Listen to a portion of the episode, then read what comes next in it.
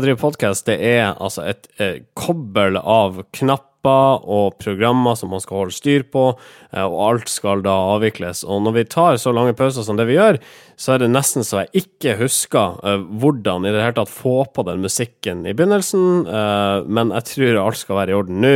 Rekk-knappene er trykka inn, og jeg sier hjertelig velkommen til høstsesongen av Norske informasjonsrådgivere, med Marius Staulen sammen med mine faste rådgivere og venner i Oslo, Marius 2 og Sindre H. Hei! Hei sa Det passer vel egentlig bare å ta en sånn kjapp innledning på hva er det mest interessante som har skjedd i sommer. Jeg har, jeg har mest interessante ting å fortelle. eh, som vanlig, eh, vil mange si. Eller kanskje ikke. Men jeg har vært i Frankrike på bobilferie. Og jeg eh, har aldri vært i nærheten av en bobil i mitt liv, og det hadde ingen av de andre jeg dro sammen med heller. Eh, Men vi, vi, klarte, vi klarte å være like irriterende som norske bobilturister i Frankrike som tyskerne har vært her. Så på noen måter så føler jeg at vi, vi ga EU litt tilbake igjen. Altså, vi, vi kjørte sakte, vi kjørte feil i storbyer, måtte rygge. Vi kjørte inn enveiskjørte gater og ble satt, satt fast på franske, små, trange fjellveier. Alt dette her har vi gjort, og nå føler jeg Europa har lært leksa si. Men du måtte jo generalisere, altså du kunne ikke ta igjen på Frankrike, for Frankrike har ikke gjort deg noen ting. Men når vi snakker om altså ta igjen på Europa Projiserte på en måte tyskerfrustrasjon men det på her, når man absolutt skal ha en union, da må man ta ansvar for liksom, hverandres feil. ansvar. Ja, ja, Ja. Så hvis tyskerne oppfører seg kjipt i Norge, så er det like mye Frankrikes feil. Ja, ja, ja, ja, ja. Ja visst, for ikke å snakke om polakkene, portugiserne Ja. Ja, Grekerne, altså, ikke minst. Grekerne har Egentlig så er jo alle utlendinger ansvarlige for hverandre, ja. på en måte. ja, det er sant, det. Så det, det, det er vi mot dem. Ja, ja. Sindre Holme, hva Klart. du har å fortelle fra sommerferien? Oh, jeg er jo uh, ganske kjedelig sånn i ferieveien. Jeg har vært i Norge, jeg har klatra litt, jeg har fiska litt. Um, uh, og ikke gjort så veldig mye spennende, men jeg, og jeg har ikke vært uh, logga av i det hele tatt, som Thomas Moen uh, råder oss alle til å gjøre i sommerferien. Eh, så jeg har vært veldig sånn opptatt av av NASA, ja. Eh, Jeg fulgte litt med på det. Jeg syns det er veldig kult, at, uh, kult med de bildene av Pluto. Og så har, funnet, har de funnet en ny planet som heter Kepler 452b, som, uh, som jeg syns er veldig kult, for det, det er jo vår da en slags kusineplanet da, i et annet solsystem, 1400 lysår unna. Så jeg tenkte sånn, det er ganske fett. Og så tenkte jeg med tanke på all den derre juksesnakket det har vært i media um, i sommer, så tenkte jeg er egentlig sant det NASA sier? For det er egentlig ingen som kan sjekke etterpå. Liksom, er den planeten der, eller er den ikke der? Altså, det er jo bare det Kepler øh, øh, Men av, av alle, Kamera, for, alle forfattere så valgte de oppkallene til Lars Kepler. Så. Takk for meg, alt jeg hadde. Marius Jørgensen, det er okay. tipsbarn. Greit. Um, ah, ja. jeg, jeg vi får pense det inn på noe kommunikasjonsfaglig. Lefdal lanser, eh, har lansert en ny TV-reklame som angivelig hyller nerder. NIR-panelet er mer usikker på om det virkelig er intensjonen her. Ja, jeg, jeg stussa litt når jeg så denne TV-reklamen som Lefdal har lagd, fordi uh, den, den, den viser jo ulike typer Kall det sånn stereotypier da, på, på nerder. Liksom, at de, de driver med cosplay, og, og de, de er tjukke og sitter foran PC-en hele tiden og, og er veldig sånn awkward og rare. da. Eh, og, og så sier, sier de til slutt sånn Vi elsker nerder fordi dere kjøper så mange ting av oss. på en måte, er sånn eh, følelsen av det. Og så vet jeg ikke helt om, om Lefdal liksom gjør narr av disse nerdene. Fordi de, liksom, de gjør dem i overkant stusslige, sånn i mine øyne. da, Det er mulig at det er mine forfordommer også. Eh, eller om det faktisk er hyllest. da. Ja, altså jeg, jeg tenkte når jeg så de filmene her, så tenkte jeg åh, jeg elsker det universet her. Jeg har lyst til å se mer av det. Jeg har egentlig lyst til å se en langfilm, for det var litt morsomt. Men så tenker jeg på den annen side. Her skal, her skal det jo reklamebyrået skal jo gjøre en jobb for Lefdal, som jo er en ganske sånn bredt orientert uh, elektronikkforhandler. Så jeg tenkte egentlig at det reklamebyrået har fått til her, liksom er å leve ut fordommene sine fullt og helt. Og de bare sitter og åh, det er så deilig å bare portrettere en nerd som ser liksom helt ødelagt ut i ansiktet. Altså, og, han, og han fyren som går med tøfler Nei, men altså, det er så ekstremt De ser så ut, ekstremt Det er så ekstremt karikerte, da. Og så har du han fyren her som jager billige priser, og han går liksom med tøfler inne i leiligheten sin. Mm. Altså, det er sånn derre ja, jeg er usikker på Jeg syns heller ikke at de hyller de eh, gruppene, men de karikerer de. Og så setter de folk i, i bås, da. Og, og, og så et, et poeng til. Altså, Ja. hvis man, altså, for det, det faller litt, litt på stengrunn, fordi eh, hvis man virkelig skal hylle nerder, så er det jo rart, syns jeg, å lage en, en TV-film altså, sånn, eh, for en gruppe som sannsynligvis ser mye mindre på TV, lineær-TV, enn en de fleste andre grupper. Hyll dem med et skript. Jeg hyller med et skript. La, legg en kode et eller annet sted på løftehall.no inni liksom, kildekoden der, som de kan finne. Ja. Jeg vet om et uh, bra mediebyrå som har gjort det en gang uh, for en kunde. Stemmer nok det. All right, uh, vi går videre. SAS og Øyeklinikken med Mira har inngått et samarbeid. Det er enkelt og greit. Ta en laseroperasjon, få 30 000 euro bonuspoeng. Ja. Eh, jeg gjorde nettopp det i går. Hadde Altså Det er tre tur-retur-reiser det i Norge. Ja, ikke sant? Og du får jo sett så mye mer, ikke sant? Eller en lang weekend i København. Med laseroperasjon og, og liksom eh, tur, så får du jo sett mye mer av landet. Ikke sant? Ja, sånn sett er det jo relevant, for så vidt. da. Se Men- mer når, når du kommer frem. Ja, sånn sett så er det jo bra. Sånn sett er det jo bra kobling, men de har nok jobba ganske hardt for å finne den relevansen, eller forsøk på det. Men, men så samtidig så er det sånn når du driver med laseroperasjon eh, og er en sånn øyeklinikk, så er det ikke så mye som kanskje er differensierende. Altså Det er vanskelig å forsvare hvorfor man blir valgt. Så hvis man kan si ja, her får du i hvert fall 30 000 bonuspoeng, eh, når man først var kommet til det punktet at man skal gjøre det, da. Mm. så kanskje, kanskje nok. Men eh, rart. Helt enig. Men vi har ikke noen sterke meninger om dette her. Jeg raser. Uhørt. Uhørt. Uh, usett. Jeg tror at vi må Altså, det, det blir litt sånn stotrende innledningsvis, føler jeg. Men altså, ikke glem at Snakk for deg selv. ja. vi har ikke vært på lufta uh, på evigheter nå. Nå skal jeg kjøre en jingle, og så sier vi velkommen da til NIR episode 117. Norske informasjonsrådgivere. Norsk presse har vært under hardt press den siste tida etter at DN-journalist Daniel Butenschøn ble ferska i å plagiere en rekke artikler. I kjølvannet av disse avsløringene så har flere andre blitt avslørt i å gjøre det samme, også en som har kritisert Butenschøn og Dagens Næringsliv, journalisten-redaktør Helge Øgrim. Kritikere av plagiering plagierer sjøl, altså. P3-journalist Erik, eh, Erik Stokstad Brødholt skrev en kronikk om saken i Dagbladet, men det skulle snart vise seg at også denne var plagiert. Ja, dette er jo en herlig, herlig sammensveisning av alt mulig rart. Synes jeg, altså, Plagiatsaken i seg selv, fint nok, det skjedde. Jeg føler det er diskutert i hjel. Eh, Det som jeg, og det som jeg syns er interessant her, er jo liksom eh, reaksjonen til Dagbladet når de fant ut at eh, Brødholt sitt debattinnlegg bare var en kopi fra en New Yorker-kommentar om akkurat det samme. Altså, fordi de ble indignert, og de ble sure, og de ble skuffet. eh, Og de fjernet innlegget og skrev en sak om det. Ja, det er ikke morsomt å bli lurt, sier Martine Aurdal i DB. For det var jo nettopp det eh, Stokstad Brødholt gjorde. Han lurte eh, Dagbladet. Dette var jo bare tull. Det var jo bare tull, og han fikk jo litt sånn pes av Håkon Mosleth òg, som er redaktør i P3, om at han var ikke liksom Han hadde ikke sjekka dette med han, da, så han, syns, han lo ikke, sier han. Eh, men jeg, jeg må si, jeg elsker når media blir lurt. Altså, jeg, ja, ja, men altså, jeg mener det. Det er det beste for media også. For det får liksom tatt litt brodden av den derre makta som media skal ha. Så de, de må bli lurt en gang imellom. Jeg, jeg syns det er noe sunt ved det. Jeg syns det er noe fint ved det at de kan bli lurt. da. Eh, Jeg husker jo Kristoffer Schou en gang på, på 90-tallet, så, så skrev VG to sider eh, om, eh, om tegneren Hugh Martin. Som var sånn, han var ganske elendig tegner, men hadde en veldig, eh, veldig sånn karakteristisk strek. Og som visstnok da hadde solgt disse her strektegningene for millioner av kroner. eh, og var engelsk, da.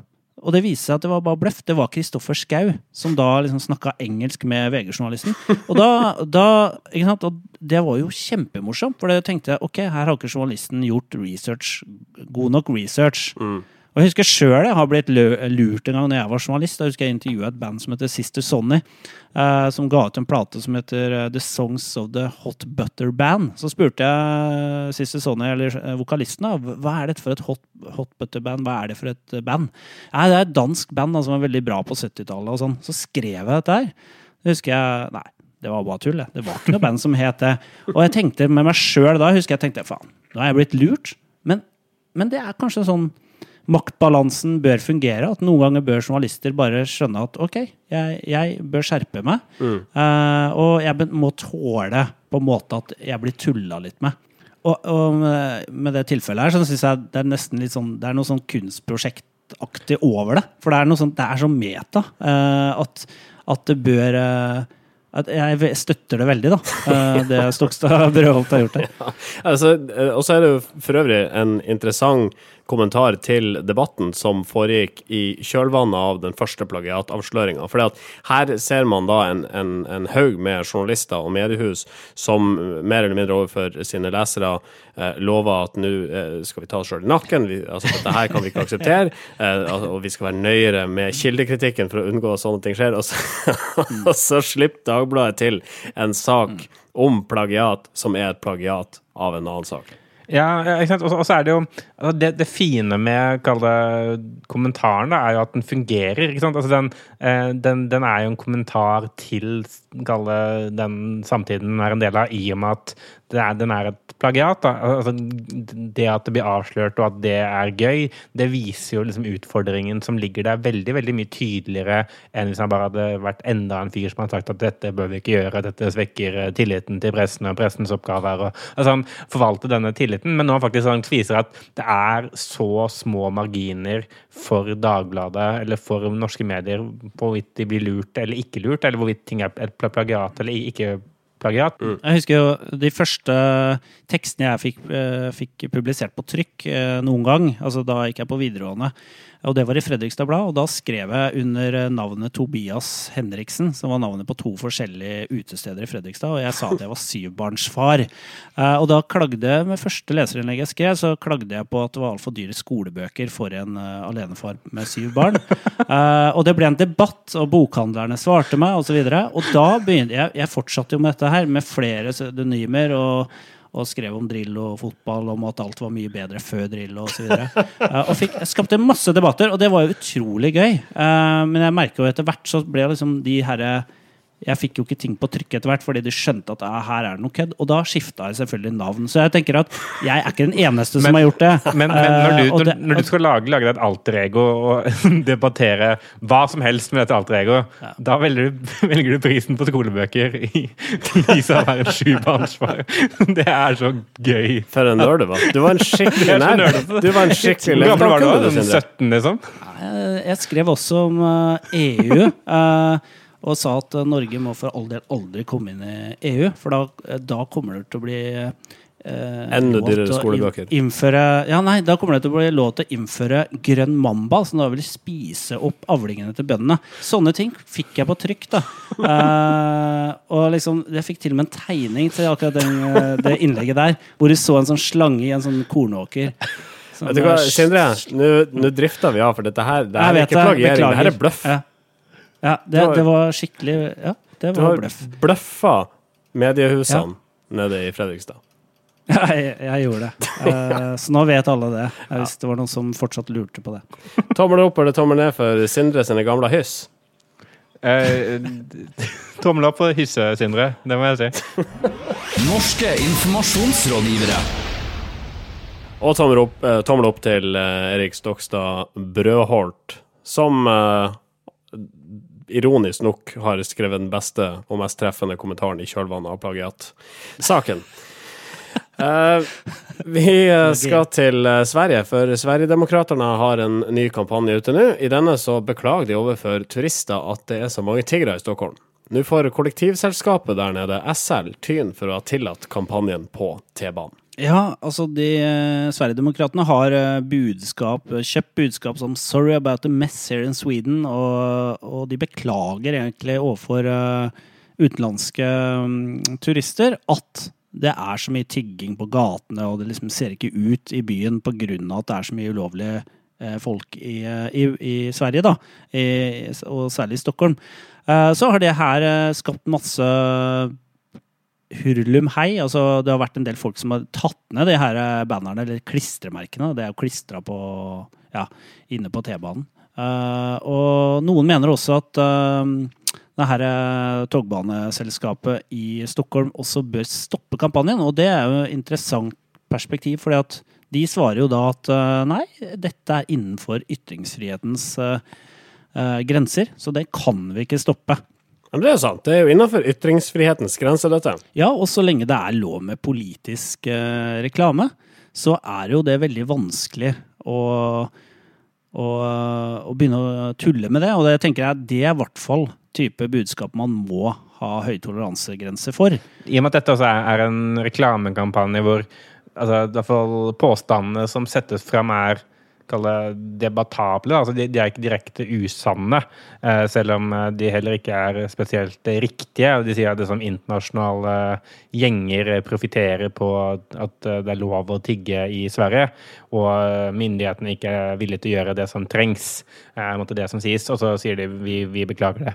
Og, og det er jo et tolkningsspørsmål ut ifra liksom, hvilken politisk standpunkt man har, sannsynligvis. og Derfor er det vanskelig for, eh, for eh, de som selger reklameplassen å si dette er eh, ulovlig, for dette er falske påstander. Altså Hvis det har vært et, et renspikka nazistparti, som man jo også kan argumentere for at Sverigedemokraterna kanskje er, så, men som kun hadde hatt hakekors og liksom jøder er tyver, så hadde det kanskje vært lettere å sagt liksom dette er ikke greit, da. Dette må vi fjerne.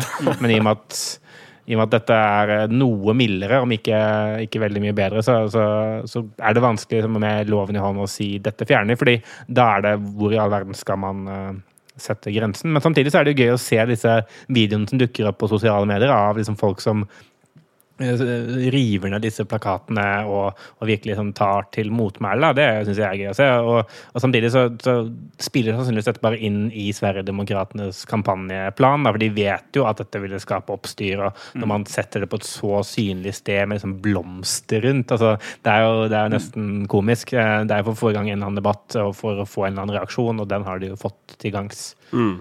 Og så er det vel, eh, hvis man ser stort på det, så er det vel ikke riktig måte å debattere en sak på å rive ned plakater. Det kan vel egentlig bare skaffe sympati for stakkars Sverigedemokraterna som ikke engang får lov til å ytre seg på T-banen. Jeg tror du har helt rett i det. Altså, jeg tror det de har villet med den kampanjen her, er å splitte folk. Altså eh, få både sterke, eh, sterke sympatireaksjoner og sterke motreaksjoner. Og, som, som jo den type partier lever av og eksisterer på bakgrunn av. ikke sant? De, de, de lever av å provosere, eh, og det er det som gir de oppslutning.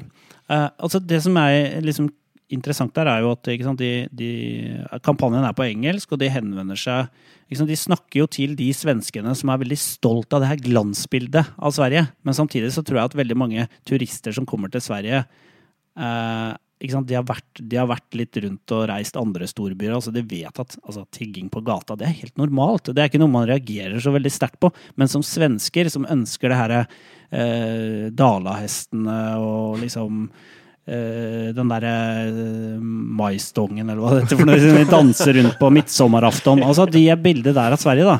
Eh, Det er veldig polerte, hvite Ja, det, Ja. det søte Sverige, eller saltkråkan Sverige. De vil nok reagere Ja. og si at dette kjenner vi oss igjen i. Jeg er helt enig. Sånn vil ikke vi at Sverige skal bli, og det har blitt verre og verre, liksom. Ja, og, og det at det er på engelsk også, er jo, gjør bare bygger opp under det at det er et stunt. For det er, altså, Sverigedemokraterna har jo ikke noen grunn til å skulle henvende seg til turister. Det, det, de Nei. tjener jo ingenting på det. Altså, de så, som- så når de først liksom gjør det, så er det jo for å skape en reaksjon hjemme blant liksom, noen. da. Det, som er det er jo en interessant ironi i det, for så vidt. da? De henvender seg til utlendinger, men de vil de jo egentlig ha ut. Uh, sånn at eh, tiggerne på gata i Stockholm de kan jo lese dette her, Ja, de burde jo, altså Hvis de vil at liksom, fordi det, I verste fall eh, så burde de jo De sier jo sånn det, det pleier å være mye bedre her. Og da blir kanskje de utlendingene som kommer til ja, her kan jeg bli, for det pleier å være bra. De burde jo si Uh, This is how, how it is all the time. You should go home. It's horrible here. Nothing to see here. Vi kan ikke gi en tommel opp eller tommel ned for uh, det her greiene her. Nei, nei, det går ikke an. Nei, vi går videre. Professor Peggy Brønn har nylig lansert boka 'En innføring i PR', sammen med BI-kollega Tor Bang og Øystein Bonvik, landets mest ambivalente sjef. I denne går forfatterne hardt ut mot virksomheter som fastsetter en kroneverdi på redaksjonell omtale. Tallene er som tatt ut av løse lufta, sier Bonvik til Dagens Næringsliv. Ja, det er jo det er på tide at, at noen sier det. og nå har eh, Øystein Monvik vært borte fra markeds-PR-bransjen lenge nok til å endelig kunne liksom slå beina under den litt.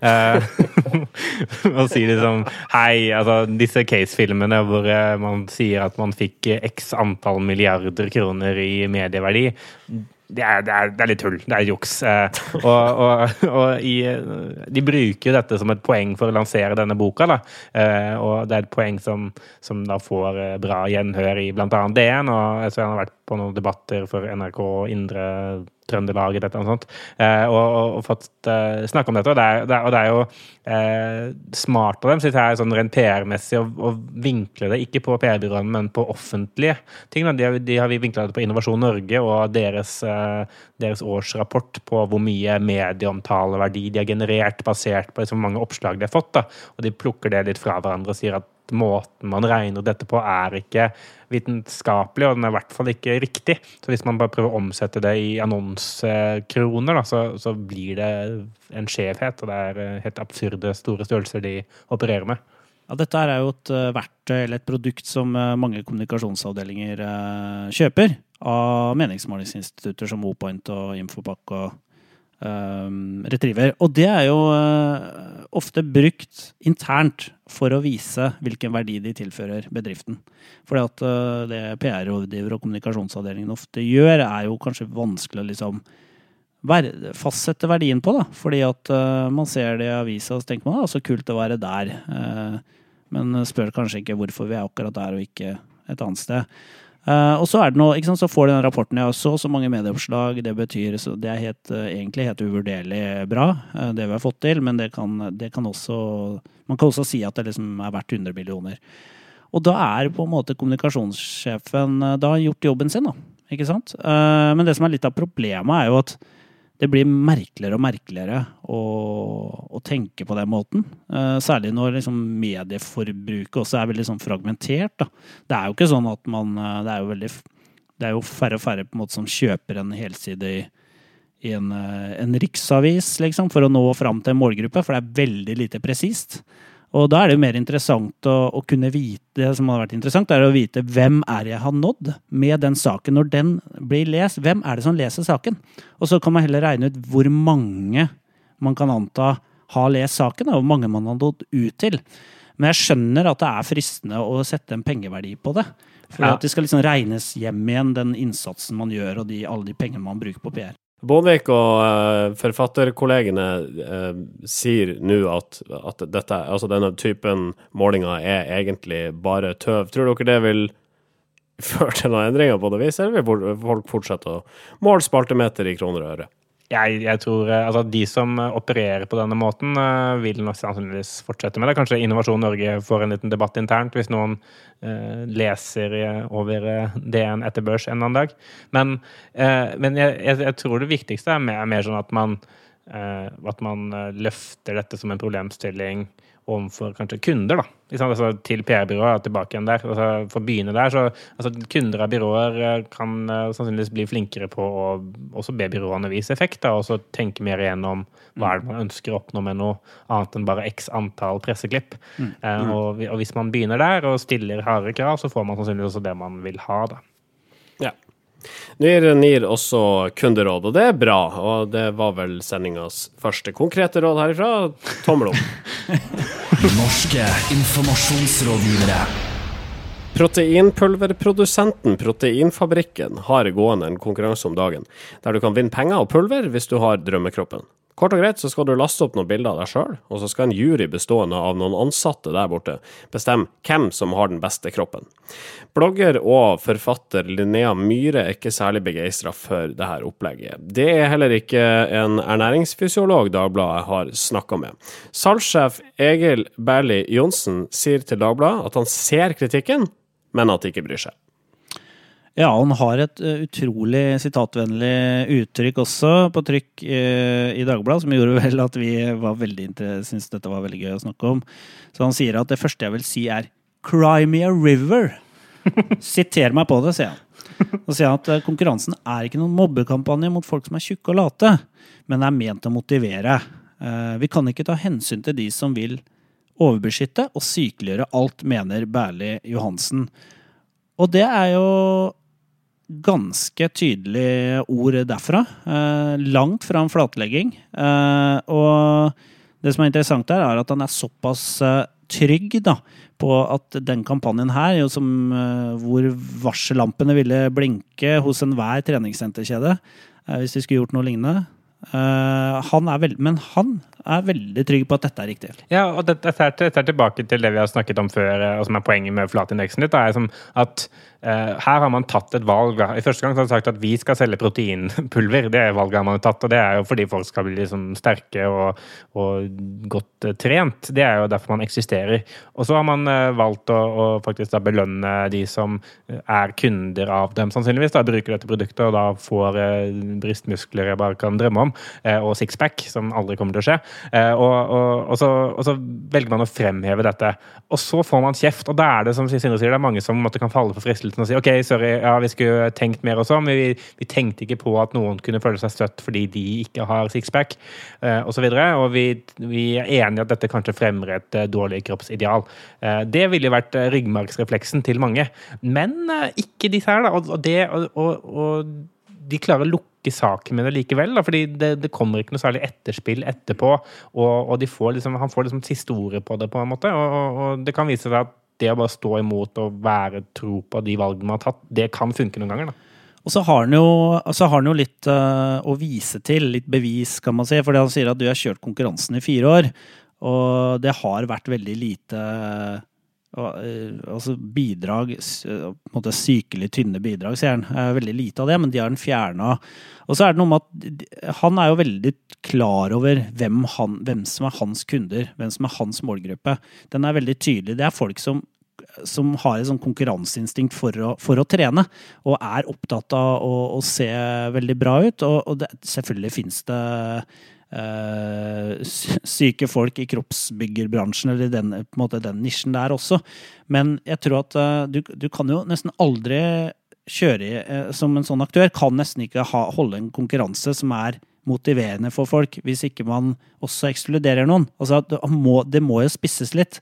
og altså, det gjør det her. Da. Alle, alle konkurranser vil jo ekskludere noen. Ja. F.eks. jeg kan bli utrolig støtt og indignert over at jeg ikke passerer mensatesten, f.eks.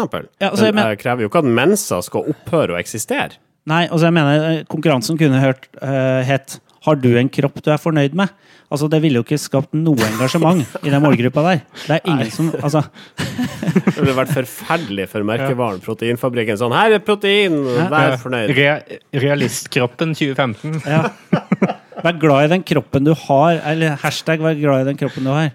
Proteinfabrikken, vi hjelper ikke mot noen ting. Nei. Ikke tren for, ikke tren for hardt nå, da. Her, her er sånn du så ut før. Her er etter protein. Akkurat likeens. Ja. Protein. Nei, og, protein. Og, og, I hvert fall ikke skadelig. Altså er det sånn, Man skal kanskje legge ansvaret der det skal ligge. Og det er jo ikke, det er ikke Proteinfabrikken sin skyld at eh, det er et kroppsfokus. Altså det er jo det, er, det ville vært mye å lagt alt det på Proteinfabrikken.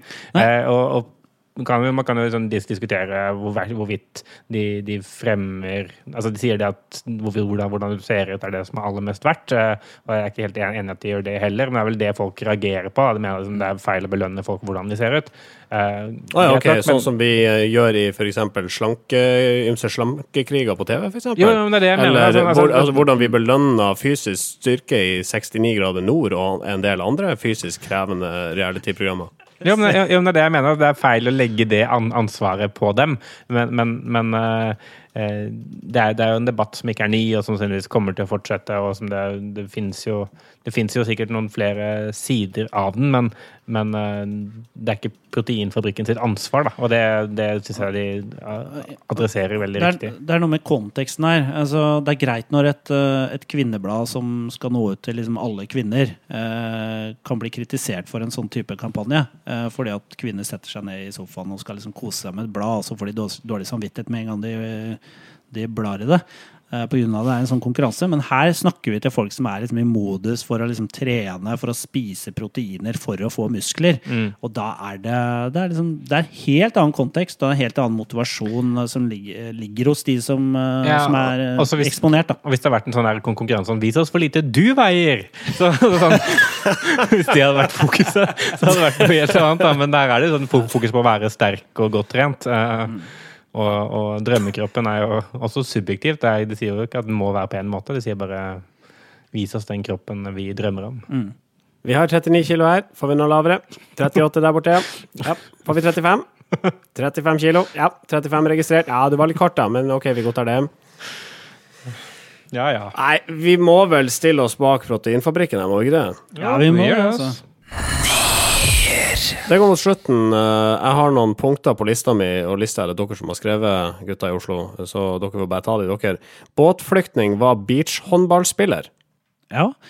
Eh, Det er en eh, Instagram-profil som heter Abdo Diouf Dakar, som, som begynte her i sommer å legge ut en del bilder på sin Instagram-konto, hvor han fortalte at han skal, skal reise til Europa. Eh, Og vi fikk da se noen ganske sånn eh, eh, hjerteskjærende bilder av en person som ifølge ham selv da, på en måte var stuet sammen på en båt og, og opplevde ganske dramatiske ting på veien over, over Middelhavet. Og så viser det seg da at dette er bare fake. Alle bildene er tatt i Spania. Og hele kontoen er egentlig iscenesatt av en fotofestival i Spania. Eh, og det har folk blitt litt sånn provosert over, da. Men hadde, de tenkt å avsløre det på noe tidspunkt?